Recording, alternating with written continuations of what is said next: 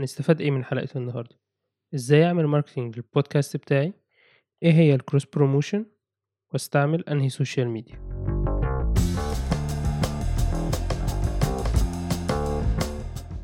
ألف ب بودكاست هو بودكاست سريع عن إزاي تبدأ في مجال البودكاست والحلقات بتاعته قصيرة من خمس لعشر دقايق.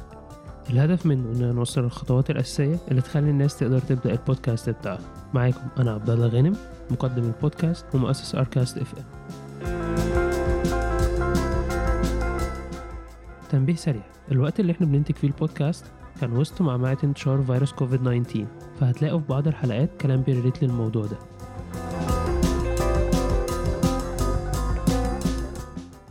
المفروض في الأول خالص انت عملت search وعرفت مين بيتكلم في نفس موضوع البودكاست بتاعك. سواء بقى هو podcaster vlogger blog Facebook group Instagram page أي حاجة من الحاجات بتاعت ال digital media انت ممكن تبتدي إن أنت ت reach out للناس دي تعرفهم بنفسك تبعت لهم البودكاست بتاعك بيتكلم عن إيه وأحسن إن أنت تبعت لهم البودكاست عشان يسمعوا وتبتدي تتكلم معاهم في إن أنت تعمل معاهم cross promotion طب إيه هي ال cross promotion cross promotion دي إن هم يبتدوا ي mention البودكاست بتاعك ويتكلموا عنه هو بيتكلم في إيه ومين ال host بتاعه وأنت كمان تتكلم عن ال content اللي هم بيعملوه.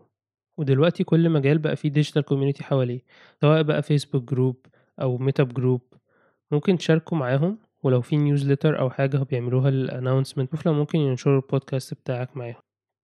طيب أنت لو عايز تستعمل social media تستعمل أنهي platform للبودكاست بتاعك؟ دي بتعتمد أكتر على المستمعين بتوعك موجودين فين. فمثلا لو أنت بت target السن من 14 ل 18 سنة فدول غالبا دلوقتي بقوا موجودين على التيك توك وإنستجرام أكتر. ال homework بتاع حلقة النهارده؟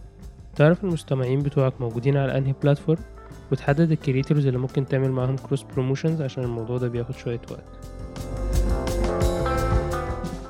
ألف ب بودكاست موجه للناس اللي عندها فكرة بودكاست بس مش عارفة تبدأ منين. فلو انت عندك فكرة بودكاست أو تعرف حد interested إنه عايز يبدأ البودكاست بتاعه متنساش تشاركه معاه هتلاقوا في ال show notes لينكات لأركاست website الانستجرام بتاعنا وكمان link ل group ال podcast creators في مصر